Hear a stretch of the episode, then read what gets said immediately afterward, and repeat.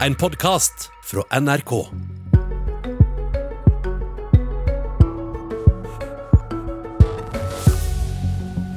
Lista over koronakrisekrav fra Stortinget til statsminister Erna Solberg blir kortere og kortere.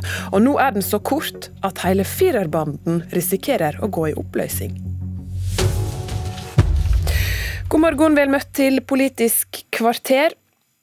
Hvis du ikke helt husker firerbanden, så er det altså SV, Arbeiderpartiet, Senterpartiet og Frp som forhandler om å finne flertall for en enda større krisepakke enn det regjeringa foreslår. Og Tre av dem er her i studio. Audun Lysbakken, Rigmor Aasrud og Hans Andreas Limi. La oss gå rett til det som splitter banden. Lysbakken, i helga gikk du ut mot hotellkjeden Scandic, som samtidig som de mottar krisestøtte, nå sier opp 300 eh, årsverk. Det mener både du og Arbeiderpartiet at de ikke burde ha lov til. Hvorfor stoler du ikke på dem når de sier at det er ikke lenger eh, behov for disse årsverkene? Ja, For det første så er det jo tillitsvalgte i Scandic og også i Compass Group, som er en annen uh, bedrift som har gått til uh, store oppsigelser nå, som uh, veldig sterkt mener at det er feil. Og så er det sånn at Vi har en raus permitteringsordning i Norge. Den er nettopp et alternativ til oppsigelse for de bedriftene som er i de kriserammede bransjene. Og Da mener vi at for å være sikker på at vi unngår at du f.eks. får bedrifter som sier opp fast ansatte nå, for så å hente inn igjen eh, løsarbeid når krisen er over. Hvor har du det fra at de vil gjøre det? Nei, Det har vært bl.a. en bekymring i eh, fagbevegelsen i hotellnæringen for at det kan skje.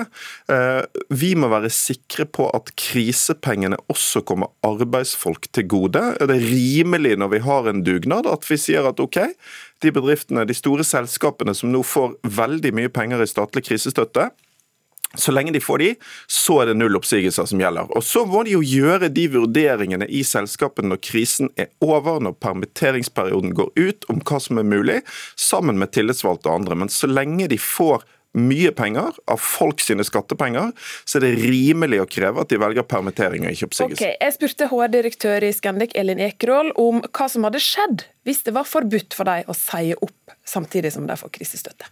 Scandic står i en alvorlig situasjon som følge av pandemien, og det er helt avgjørende å redusere kostnadsnivået for å sikre drift og arbeidsplasser i fremtiden. Nedbemanning er dessverre et nødvendig tiltak der vi ser det er varig bortfall av arbeidsoppgaver.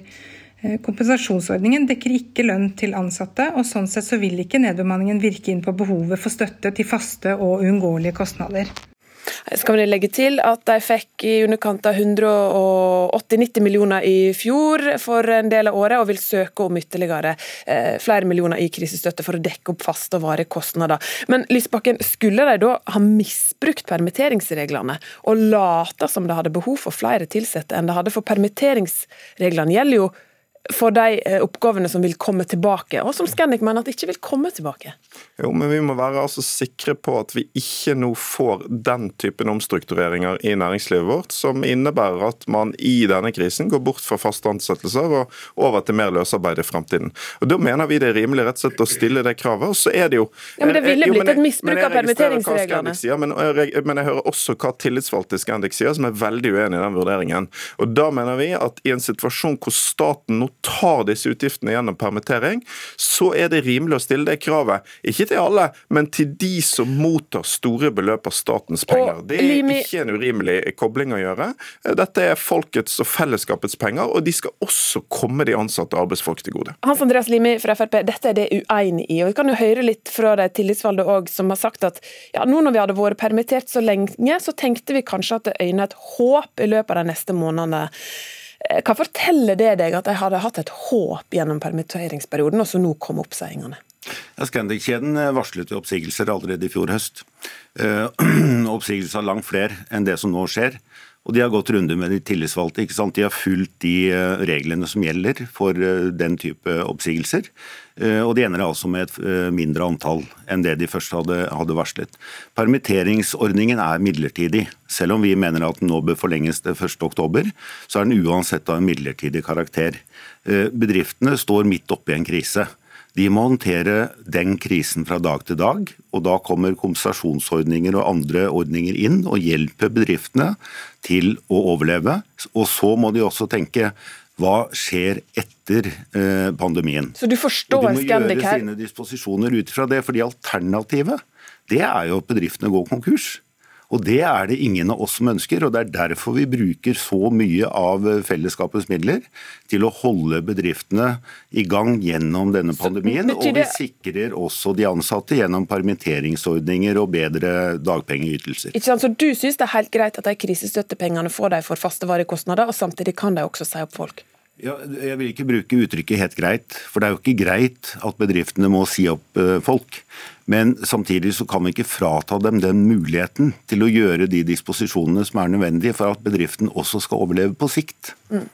Og Da kommer vi til det store spørsmålet for sendinga, nemlig om denne firerbanen vil overleve neste runde. Rigmor Aasrud, det var Arbeiderpartiet som tok initiativ til denne banden. Her har vi et tydelig eksempel på hvor langt fra hverandre det står. Det er uenige om dette, det å kunne si opp folk. Det er også uenige om en kan ta utbytte så lenge en får krisestøtte.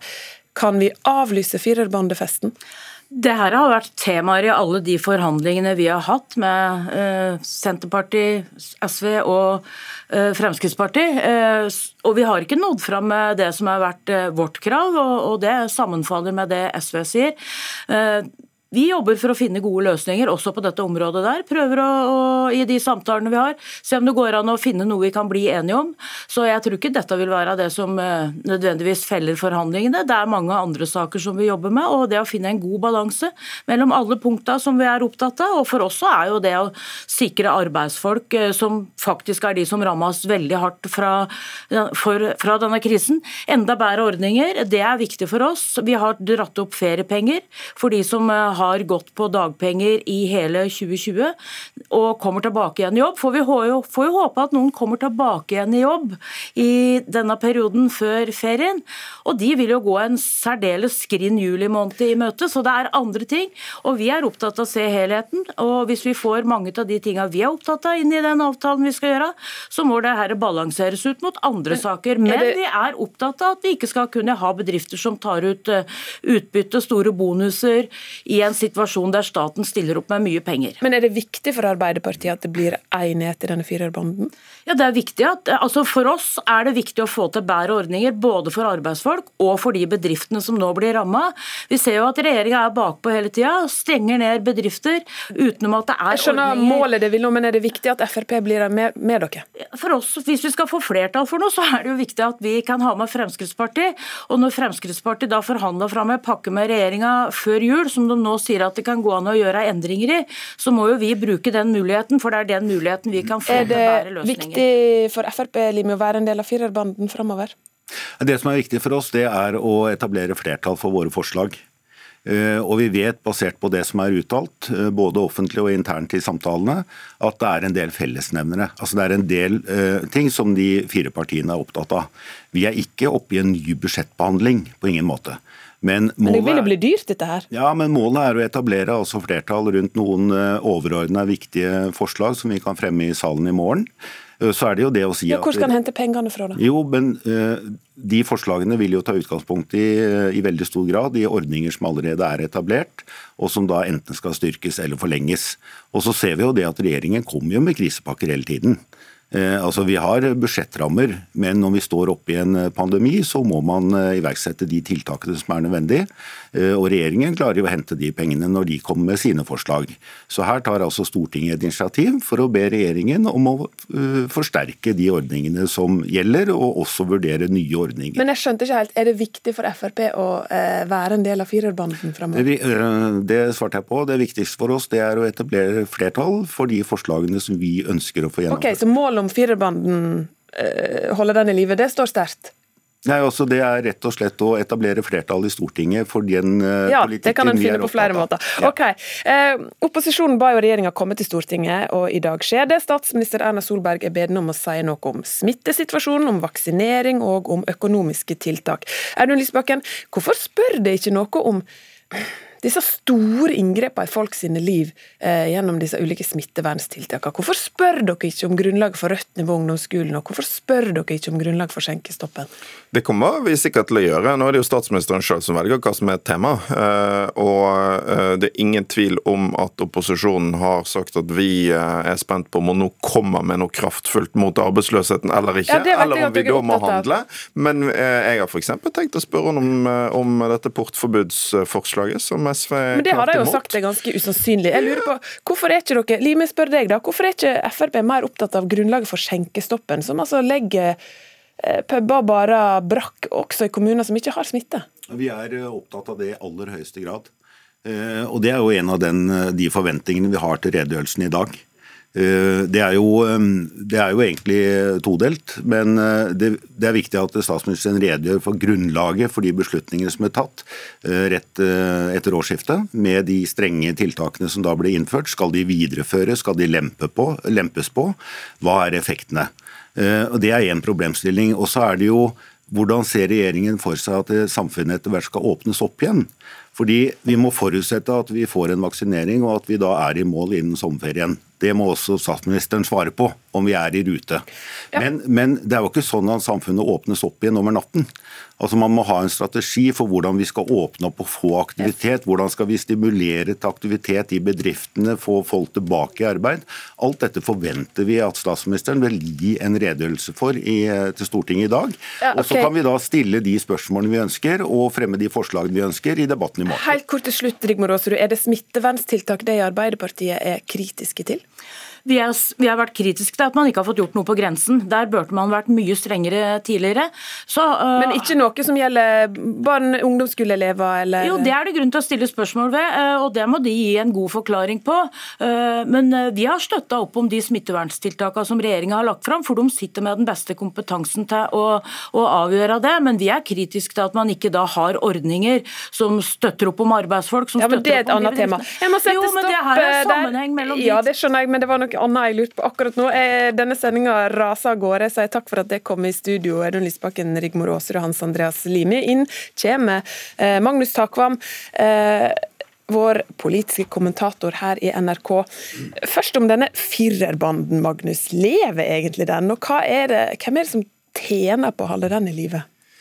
Den eh, lever jo og har for så vidt eksistert i, løpet av hele pandemien, fordi Eh, Frp er fristilt, eh, regjeringen er en mindretallsregjering, og i gitte situasjoner så kan Frp, da, som dere har vært inne på her, bidra til å skape flertall for andre forslag, eller å forsterke regjeringens forslag på, på viktige punkter. Men det er ikke noen, eh, føler jeg, etablert liksom, samarbeids konstellasjon på den måten. Men det er en, på en måte et press mot regjeringen. Som, som dere også var inne på, så har jo bare den, den eksistensen av den ordningen gjort, gjort at regjeringen har forskuttert en del endringer i permitteringsreglene f.eks. sist fredag, og også dagpengeordninger osv. Så, videre. så Så realiteten her er at den øver uansett et press på regjeringen. Og Så kommer da um, Erna Solberg til Stortinget i dag for å orientere om et ganske bredt eh, felt av emner innenfor koronakrisa. Eh, du er jo litt inne på det nå, men er det en reelt sett krevende opposisjon hun møter? Jeg sa i starten av sendinga at lista over krav fra Stortinget blir jo bare kortere og kortere.